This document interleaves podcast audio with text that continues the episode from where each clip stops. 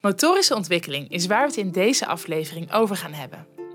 Welke fase kent de motorische ontwikkeling? Kruipen heeft heel veel redenen. Maar bij kruipen leer je bijvoorbeeld ook afstand zien. En welke relatie is er tussen de motorische ontwikkeling en onder andere het leren later in de klas? Maar concentratie ontwikkel je bij de buiklig. Een aflevering volop inzichten, herkenbare voorbeelden uit de praktijk en tips. Welkom bij mijn podcast. Mijn naam is Hanneke Poot van der Wind. Ik ben oprichter van Sirene voor Kinderen en ik verzorg door het hele land cursussen en lezingen over de ontwikkeling van kinderen. En dit doe ik aan mensen die veel met kinderen werken. Dat kunnen mensen in de kinderopvang zijn, op scholen, kinderartsen, pedagogen. En ik wil ze kennis geven over hoe een kind zich ontwikkelt. Want het blijkt dat daar toch heel veel van onbekend is. En hoe meer kennis we hebben over hoe een kind zich ontwikkelt, hoe meer we kinderen begrijpen, ondersteunen, maar ook dat we veel problemen kunnen voorkomen.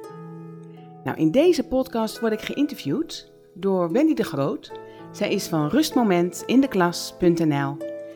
En zij zal doorvragen, zij zal samenvatten wat ik vertel, zodat jij als luisteraar tips krijgt en ook handvatten om alles wat je hoort ook in de praktijk te kunnen brengen en eigenlijk het liefst dat je dat gelijk toe kan passen. Ik wens je heel veel luisterplezier. Wat is eigenlijk motorische ontwikkeling? Dat is een uh, goede vraag. De motorische ontwikkeling is de ontwikkeling in een kind, wat eigenlijk al in de baarmoeder begint, waardoor die zijn hele zenuwstelsel ontwikkelt. Dus de ruggenmerg, maar ook de hersenstam, middenhersenen, grote hersenen. En door die motorische ontwikkeling ontwikkelt een kind ook de kwaliteit van bewegen. En daarbij hebben elke fase ook weer zijn specifieke dingen die kinderen nodig hebben in het leven. Dus het is eigenlijk ja, rijping van alles wat hij heeft meegekregen, zodat hij de mogelijkheid heeft om zich verder te kunnen ontwikkelen op alle andere terreinen dan alleen het motorische. Hm. Het is de hm. basis voor de, wat we in de eerste podcast ook hebben benoemd. Het is de basis voor de sociale ontwikkeling, de hm. emotionele ontwikkeling, lichamelijke ontwikkeling. Dus voor alles. Het is, het is een hele belangrijke basis. Ja, dus motorische ontwikkeling is eigenlijk meer dan dat een kind op een gegeven moment gaat kruipen en vanzelf gaat lopen. Ja, we hebben de vorige keer al gezien dat daar wel dingen voor nodig zijn om daartoe te komen. Maar het is een heel belangrijke ontwikkelingsfase. Die is eigenlijk zijn hoogtepunt in de eerste twee jaar van het leven van kinderen zouden moeten hebben. Mhm. Wat in onze tijd niet meer vanzelfsprekend is. Mhm. Maar wat dus de enorme basis legt voor het hele verdere ontwikkelen van kinderen. En daarin merk ik ook vaak wel wat verwarring tussen de motorische ontwikkeling en de lichamelijke ontwikkeling. Als een kind een rondje fietst om een zandbak heen, dan is het kind motorisch bezig. Hij is met de vaardigheid van het fietsen bezig. Als een kind een rondje fietst om de zandbak, dan ben je motorisch ben je bezig. motorisch bezig. Ja. Gaat een kind 100 rondjes om de zandbak, mhm. dan is hij ook lichamelijk bezig. Lichamelijk heeft te maken met de ontwikkeling van je hart, van je longen, van je bloedvaten, maar ook de spierkracht, de botvorming. Dat mhm. is allemaal lichamelijke ontwikkeling. En om lichamelijk te ontwikkelen, heb je nodig dat je motorisch ontwikkelt mhm. en dat eindeloos mag herhalen. Dat zie je dus ook bij een babytje. Als een babytje gaat rollen, als het goed is, blijft hij rollen. Als hij kruipt, blijft hij kruipen. In onze tijd zeggen we, nou, het kind heeft nou gekropen, dus gaan we verder. Nee, dat moeten ze eindeloos doen, ook voor de lichamelijke ontwikkeling. Ja, maar dus eigenlijk ook een beetje conditie op te bouwen, of kracht dat is conditie, op te bouwen. Ja, en conditie is hart, longen, ontwikkeling, spierkracht, botvorming. Dus het is het langdurig herhalen van bepaalde bewegingen. Ja, en dat is echt de lichamelijke ontwikkeling. Ja. En wij gaan nu in op de motorische ontwikkeling. En waarom vind je het zo belangrijk dat we een hele aparte aflevering maken over de motorische ontwikkeling? Ik ervaar in de praktijk dat er zo weinig kennis is over de mhm. motorische ontwikkeling. Of dat we van die vooringenomen ideeën hebben, zo van, nou ja, uh, dat doen we bij baby's, maar dat doen we verder niet meer. Of dat ik al ouders van jonge kinderen hoor zeggen die heel graag kruipen. Van nou, kindje kan nou lopen, we gaan niet meer kruipen. Waardoor wij kinderen belemmeren in hun motorische ontwikkeling. En de gevolgen zien we in het onderwijs. In de ontwikkeling van de hersenen. Ja.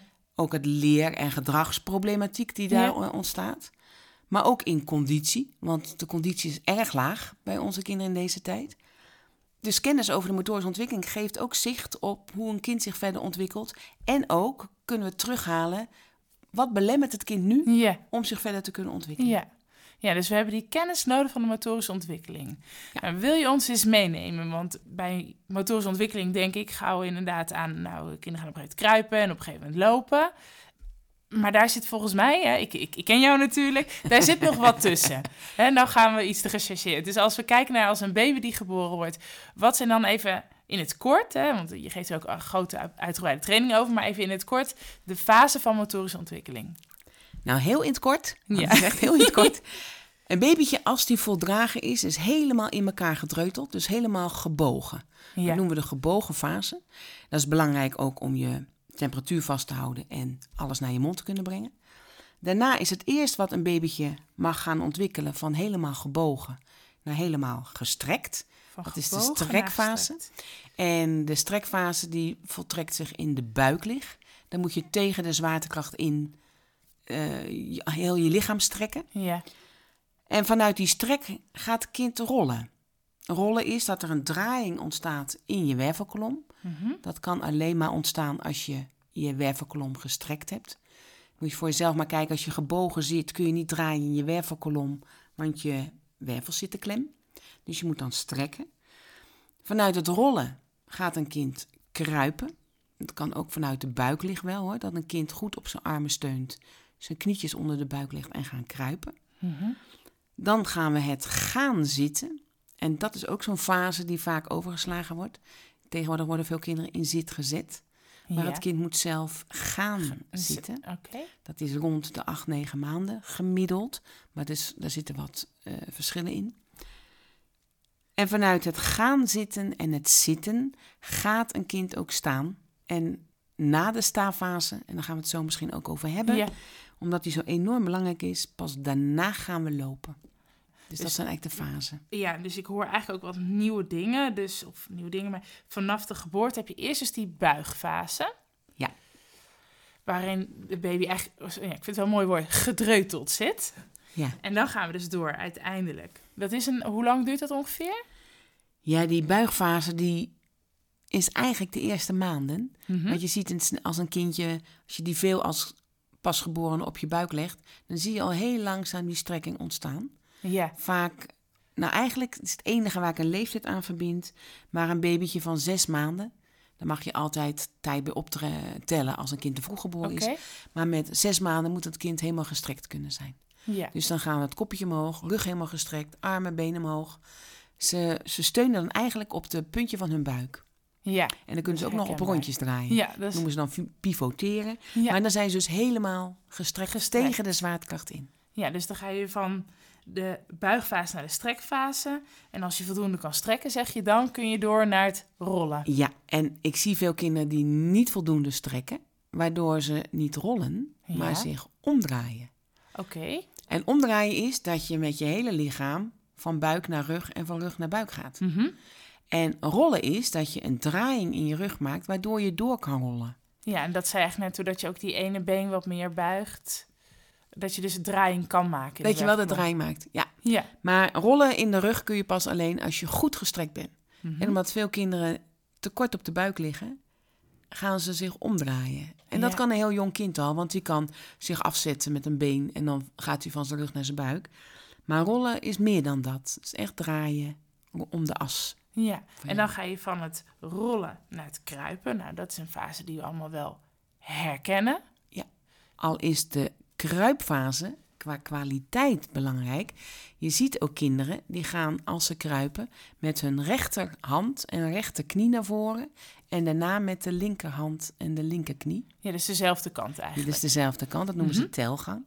Dat is niet de goede manier van kruipen. Een goede manier van kruipen is dat je kruiselings kruipt. Mhm. Dus met je rechterhand linkerbeen en je linkerhand rechterbeen. Ja. En daarvoor heb je moeten rollen. Een kind die onvoldoende rolt of niet rolt, gaat misschien wel kruipen, maar niet kwalitatief juist kruipen. Ja. Want dan moet je een kruisbeweging maken. Mhm. Dus al die fasen Ja. zijn niet voor niets. Nee, en die lopen in elkaar Die gaan in elkaar over. over. Ja. Ja. Ja, en dan zeg je dus eigenlijk net vanuit het kruipen, dan gaan we staan. En dat vind ik ook wel Ja, interessant. dan gaan we eerst zitten. Oh, eerst zitten. Ik Ja. sla er eentje over. Ja, maar zitten. goed hoor. Nee, daar wordt ook wel zo vaak naar gekeken. Of dat kinderen vanuit buiklig Mhm. achteruit duwen tot zit komen. Ja. Dat is niet de goede manier van gaan zitten. Want bij elke beweging die je daarna maakt, moet je een draaiing in die wervelkolom zien. En het goede gaan zitten is dat een kind, een kind op zijn knieën gaat zitten. Dan gaat hij naast zijn onderbenen zitten. Maakt hij een hele draaiing in zijn rug. En dan doet hij zijn benen naar voren. Nog een keertje. Ze gaan eerst Op de knieën zitten. op de knieën zitten. Ja, dus dat je eigenlijk je, je billen onder je hielen hebt, zeg Ja. maar. Ga je dus Mhm. eigenlijk op je onderbenen zitten. Ja. Daarna ga je naast je onderbenen zitten. Ja. En dan ga je, zit je op je billen en dan doe je Dan je benen naar zwaai je voren. eigenlijk je benen Dat is het voren. goede gaan zitten. Ja. En het gaan staan ontstaat ook vanuit die kniezit. Dus je zit met je billen op je onderbenen. Dan ga je wat omhoog en zet je één been ervoor. Dat noemen ze de schuttershouding. Mhm. Dus dat je één been voor hebt en op die andere steun je ook. Mhm. En dan ga je omhoog om te gaan staan. En dat is dus de kwaliteit die op de juiste manier zo gaat. Ja. En dat is eigenlijk weer terug te brengen, weer terug naar die rolfase. Eigenlijk als dat niet... Eigenlijk uiteindelijk wel, gaat. als een kind onvoldoende gerold heeft, dan Ja. kunnen ze niet in die schuttershouding staan. Was de rol om? Ja, en dan zeg je dus vanuit na staan. Ja, wij denken, of ik denk dan al gauw staan. En dan gaan we lopen. Ja. En maar dan staan we een jij eigenlijk echt een fase. Ja, dat klopt. Want staan is een hele belangrijke fase. Ik zie vaak, en krijg ik ook van ouders terug. Oh, mijn kind gaat staan, dus dan ga ik hem gelijk leren lopen. Dan zeg ik, oh, laat dat kind alsjeblieft staan. Want als een kind gaat staan, gaat hij letterlijk op zijn eigen benen staan. Mhm. En dat is de start van zijn identiteitsontwikkeling. Oké. Dan gaat een kind Ja. ook nee zeggen. En dat moet hij sterk ontwikkelen. Die benen, heel zijn lichaam moet leren om te gaan staan. Je kent ook wel op basisscholen die trainingen van kom op voor jezelf. Ja. Dat soort trainingen. Ja, Wat leer je daar om stevig te staan? ja, daar begint het Ja. mee. Beide voeten op de grond. Stevig gaan staan. En als ik dan bijna ga- daar ga kijken en ik geef die kinderen zetjes, ze kukelen allemaal om. Ja. Want wanneer heb je moeten leren staan? Als Mhm. een dreumes, als een jong kind, waarbij je stevig leert staan. Maar wij duwen die kinderen al gelijk, of we geven ze een handje of twee handjes en dan leren we ze lopen. En dan zeg ik, wil je een kind nooit leren lopen?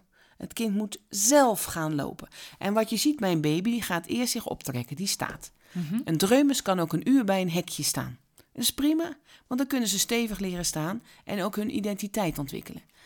Dan gaan ze vaak langslopen, vaak langs zo'n salontafel. En als het op hun, en dan op hun tijd gaan ze ook de hoek om van zo'n tafel. Dan zien, hebben ze een ander perspectief. En dan lopen ze zelf naar een bank of naar een stoel die verderop staat. En dan zeg ik ook vaak tegen ouders, en dan maakt het kind de eerste stap de wereld Ja. in. En gun ze dat zelf te doen. En niet dat wij ze al ingestuurd hebben. Ja. En dat identiteitsontwikkeling, dat zie je dus dat kinderen nee gaan zeggen. Ik was een poosje geleden bij iemand, mocht ik lunchen. En die moeder die vroeg aan haar dochtertje van anderhalf, kom je eten? Wat zegt dat meisje? Nee. Dus die moeder zegt, kom nou, want dan gaan we eten. Wat zegt dat meisje? Nee. Dus die moeder zegt, als je niet gauw komt, kom ik je halen. Wat zegt dat meisje? Nee. Dus die moeder vroeg aan mij, wat moet ik nou doen? Ik zeg, wil je teruggeven? Ik hoor jou nee zeggen. Dat is bevestiging van identiteit. Ja. Kom je aan tafel? Nou, het kind kwam dan ook gewoon aan tafel, want ze zeggen geen nee op jouw vraag. De nee staat voor, dit ben ik. Ik sta op mijn eigen benen en ik ga nu mijn grenzen aangeven. En dat is een heel belangrijke fase waar we in onze tijd gewoon overheen walsen. Ja, en waar, waar later in de ontwikkeling, of waar we in, bij oude kinderen heel veel problemen ook Zeker. mee zien. Zeker. En- En, ook over weerbaarheid gesproken. Ja. Wij ontnemen onze kinderen al heel vroeg de weerbaarheid. Mhm. Want weerbaarheid is dat een kind zijn grenzen aan mag geven. Ja. zijn wensen kenbaar kan maken.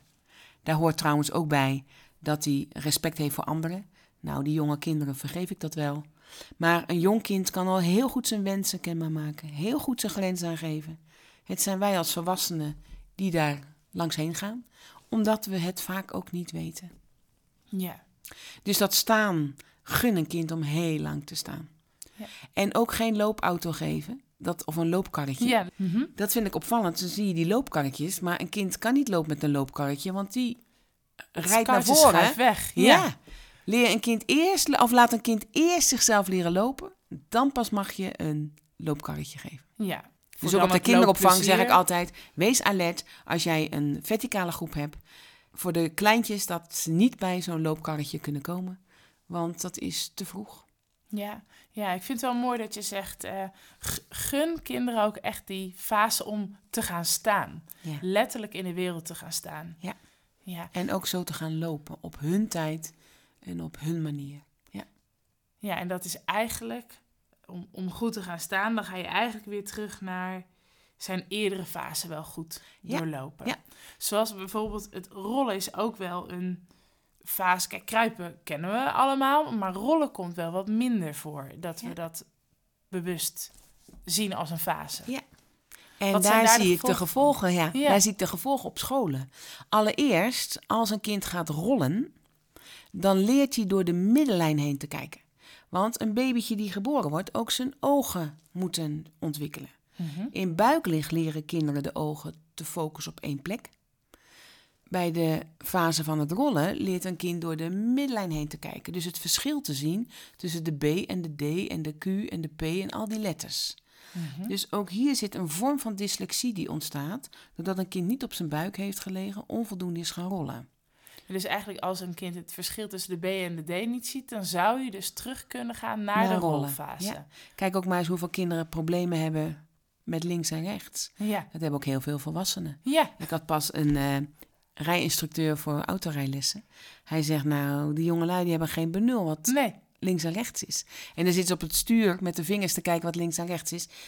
Dan zeg ik, ja, wat ze eigenlijk moeten gaan doen is rollen. In rollen leer je ook te ervaren wat links en rechts is.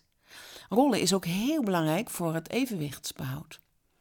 Als je stilstaat, dat is een van de items om te zien of een kind rijp is voor groep 3, Mhm. moet een kind een minuut lang stil kunnen staan. Stil kunnen staan. Zonder bijbewegingen. Want als je stilstaat, heb je optimaal evenwicht. Maar je evenwicht ontwikkel je met rollen, met die draaiing in de rug. Dat zie je ook zelf als je wandelt, dan zwaai je met je armen. Mhm. Waarom zwaai je met je armen? Omdat je Ja. draait in je rug. Ja. Dat is voor het evenwicht. Ja. Dat moet een kind wel ontwikkeld hebben. Dus als wij willen dat een kind stil zit of stilstaat op school, dan moet een kind gerold hebben. Nou, we kennen heel veel kinderen op scholen die niet kunnen stilzitten Nee, die niet, kunnen stilstaan. Dus wat moet je met zo'n kind gaan doen? Op de buik en gaan rollen. Dat is ook als je een bal gooit, dan moet je draaien in je rug. Zo kun je richting geven aan de bal. Mhm. Nou, mijn eigen kinderen hebben op atletiek gezeten en dan moesten ze een speer werpen. Nou, als je met je rechterhand een speer werpt, moet je je linkerbeen voor hebben, Ja. want dan kun je die draaiing maken om kracht te leveren. ja, in je, vanuit je werfklom weer. Ja. Maar heel veel kinderen zag ik, als ze met hun rechterarm wilden gooien, hun rechterbeen voorzetten. Dat is weer die telgang. Ja. Dat doen ze bij darten. Bij darten moet je je rechterbeen voor hebben als je met je rechterbeen, ah, rechterhand gooit. Eh, darters zijn eigenlijk telgangers. Mhm. Maar om een speer weg te werpen, dat gaat niet. Dus wat zeiden die trainers vaak? Dat ze hun linkerbeen moesten voorzetten. Maar dan vielen ze om, want ze hadden die draaiing niet ontwikkeld in hun Ja. rug. Ja. Wat zei ik dan ook tegen die trainers? Wat moeten ze met die kinderen doen? Op de buik en gaan rollen. ja. Dus je ziet ook die klapspelletjes. Vroeger deden we ook heel veel klapspelletjes. En dan gingen we met de rechterhand naar de andere, gingen we kruiselings. Kruiselingse klappen. Klapten wij. Ja.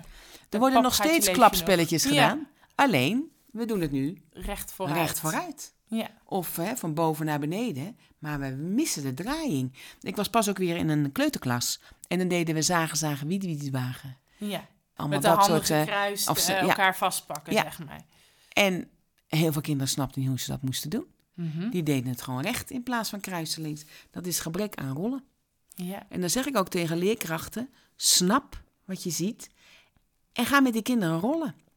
Ja, en waar gingen wij vroeger als kinderen rollen? Dat was van een bergje af, of een duin, Mhm. of een dijk. Nou ja, tegenwoordig zijn de dijken te vies om beet te pakken, Ja. want dan grazen de schapen. De duinen zijn beschermd. Dus zeg ik, maak eh, heuveltjes. Ja. Je kunt ook in het bewegingslokaal van die banken tegen de, het klimrek zetten. Leg er matten op en laat ze naar beneden rollen. Dat is het makkelijkst om te voelen. Ze moet het wel in het platte vlak kunnen. Maar je kunt ook als een, je eigen kind in een deken wikkelen en dan weer eruit laten rollen. Maar rolspelletjes worden onvoldoende gedaan. is ongelooflijk belangrijk voor hun ontwikkeling. Ja, daar merk je dus eigenlijk later dus problemen van. Ja. En dat zie ik dus in het onderwijs. En weet je, als een kind problemen ergens mee heeft, gaan we op dat probleem zitten. Ja, Maar dan is er niet altijd kennis om te zien wat heeft dit kind nodig om hier verder mee te komen. ja, En dat is wel triest om soms om te zien. ja. Ja, dus het is een... Nou ja, de motorische ontwikkeling is iets wat we doorlopen enigszins van of nature. Hè, maar dat we dus wel daar oog voor hebben en niet te snel doorheen jagen, zeg maar. Om Ja. gelijk maar naar het lopen te gaan. Want als we dat doen, dan komen er later gedrag of ontwikkeling of leerproblemen van. Ja. Of kinderen die dus niet meer op een stoel kunnen zitten. Ja, om het even praktisch Ja. te maken. Heb je nog meer van die praktische voorbeelden ehm, die je in de klas hoort, die dan terug te brengen zijn naar bepaalde fases van de motorische ontwikkeling? Nou, je merkt ook in het onderwijs zoveel kinderen die moeite hebben met concentratie. Ja. Maar concentratie ontwikkel je bij de buiklig. En bij het rollen. ontwikkel je bij Bij buiklig. buiklig. Als je op je buik ligt, dan ontwikkelen de ogen zich om op één punt te kijken. Ja. Dat focus op één punt, dat is belangrijk voor het leren lezen, schrijven.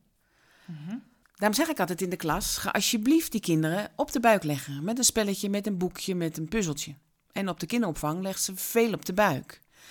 Ook zeg ik wel eens vaak in de klas op school, ga eens een heel groot prentenboek pakken en laat de kinderen op de buik als een bloem eromheen zitten. Zodat ze gefocust zijn op wat zij aangeboden krijgen. Mhm. Kijk eens hoeveel studenten op hun buik aan het studeren zijn. Ja. Dat helpt te focussen met je ogen. Ja. En rust in het hoofd krijg je door rollen, waardoor dus ook tot concentratie kan komen. Als je rolt, dan prikkel je je evenwichtsorganen.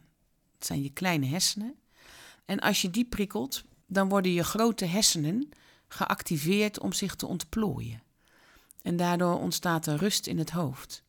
Je ziet ook wel baby's en kinderen, maar ook volwassenen, die als ze naar bed gaan met hun hoofd gaan zitten draaien. Ja. Dus het wordt wel bommelig genoemd of wat dan ook. Dat heeft diezelfde werking. Doordat je dan draait met je hoofd, krijg je prikkels in je kleine hersenen, in die zintuigen voor het evenwicht, waardoor je rust in het hoofd krijgt. Ook dan zeg ik, ook op scholen, snap wat je ziet.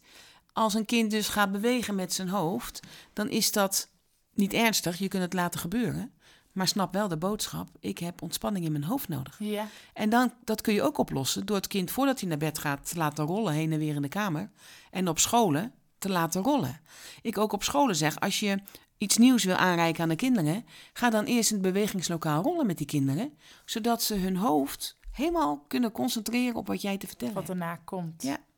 Ja. Dus dat zijn, al die fasen eh, zijn niet voor niets. En, en kruipen, ja, bij kruipen, kruipen heeft heel veel redenen. Maar bij kruipen leer je bijvoorbeeld ook afstand zien. Afstand zien. En Ja. afstand of diepte zien. Mhm. Diepte zien ontstaat doordat je linkeroog een andere afstand ziet dan je rechteroog. En als je kruipt, ervaar je ook het verschil in wat je ziet. Dus diepte zien ontwikkel je bij kruipen. Ja. Maar ja, kruipen, daar begint ook de conditie mee. Als een kind gaat kruipen, nou, je moet het zelf nog maar eens doen. Ja. Je wordt er Nee. heel moe van. dat klopt. Ja. Kruipen is conditieontwikkeling. Dat hart gaat werken, die longen gaan Mhm. werken. Dat is eigenlijk ook het begin dat een kind ook eigenlijk geprogrammeerd gaat worden om ook later een sport te gaan doen. Dat zijn lichaam erom gaat vragen. Ah. Maar dan moet een kind dat het eerste levensjaar wel gedaan hebben. Ja. En ik zie steeds meer kinderen die, nou ja, ook geen zin meer hebben om aan sport te doen. Nee. Denk ik, nee, maar in dat eerste levensjaar, als daar een kind veel beweegt, dat is dus op de buik, rollen en kruipen, dan worden ze geprogrammeerd om een sport te doen. Ja, dus het begint eigenlijk al het eerste jaar Ja. om ze voor later enthousiast te maken. Die eerste sporten. jaar, maar de eerste levensjaren zijn zo ontzettend belangrijk. Ja. Dat is ook voor het onderwijs, heb je intrinsieke motivatie nodig. Mhm. Dat je jezelf van binnenuit kan Ja. motiveren om ergens moeite voor te doen. Ja, dat leer je in de eerste levensjaren. Door op de buik te liggen, te rollen en te kruipen. Ja, en daar dus echt de ruimte voor te krijgen om die fases goed zelfstandig. Ja, en ook eindeloos te herhalen. Ze moeten het eindeloos herhalen. Vandaar dat ik ook zeg, tot en met groep 8 moet een kind elke dag op zijn buik spelen, rollen en kruipen. En dan word ik vaak inderdaad een beetje uitgelachen. Maar ook in die bovenbouw. Je moet maar eens kijken. Laat ze maar eens op de grond, op de buik uh, aan het werk gaan. Ja. Als ze dat doen, dan zijn ze veel geconcentreerder. Ga ook met ze volleyballen kruipend. Ze hebben de meeste lol.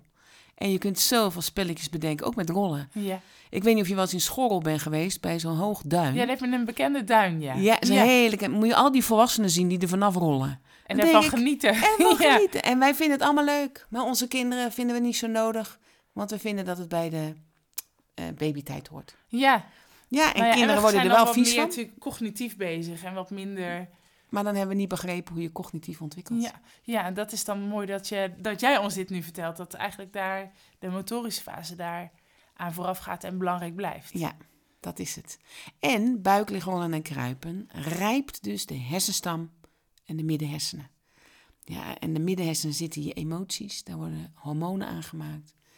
Als veel kinderen emotioneel uit hun doen zijn, wat zie je ze dan doen? Je ziet ze gaan kruipen.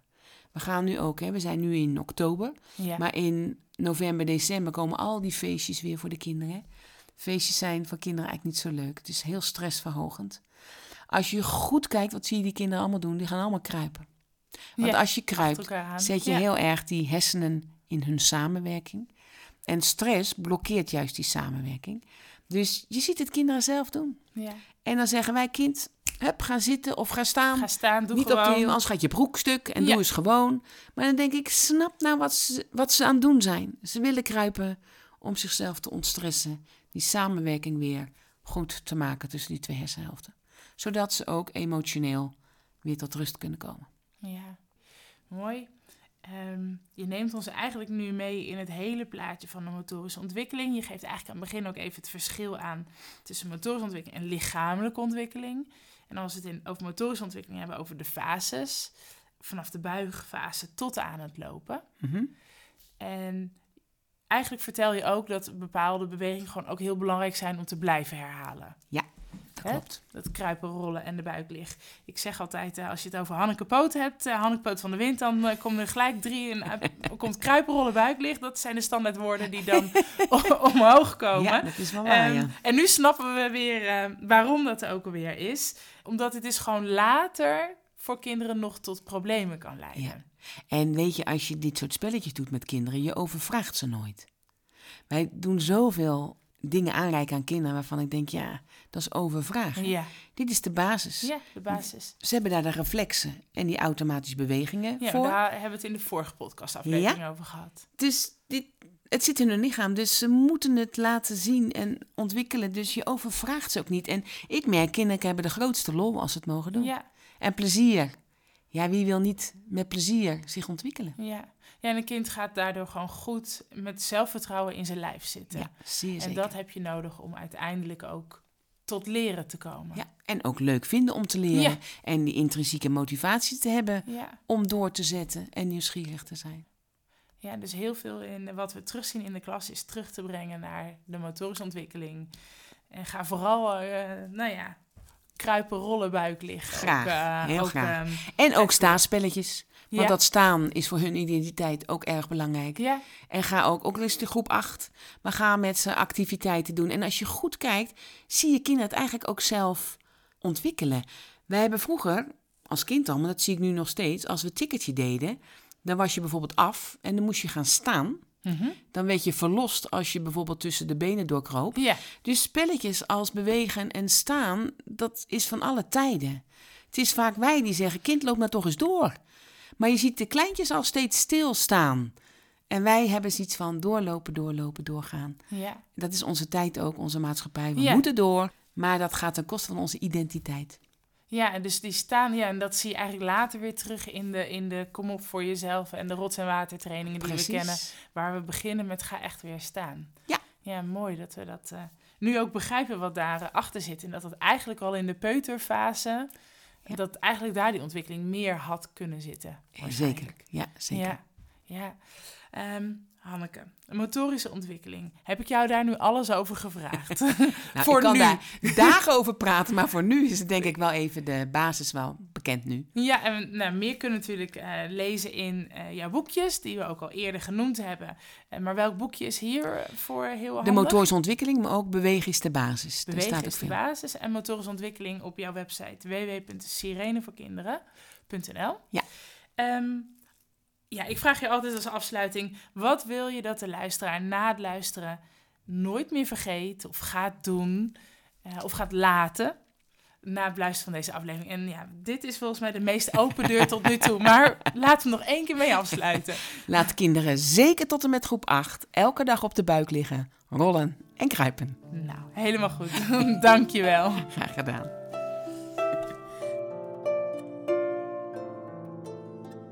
Wat fijn dat je geluisterd hebt. Wil je meer informatie? Ga dan naar www.sirenevoorkinderen.nl. Wil je deze podcast delen met collega's of misschien wel op sociale media? Dan mag dit natuurlijk. En voel je vrij je vragen aan Hanneke te laten weten.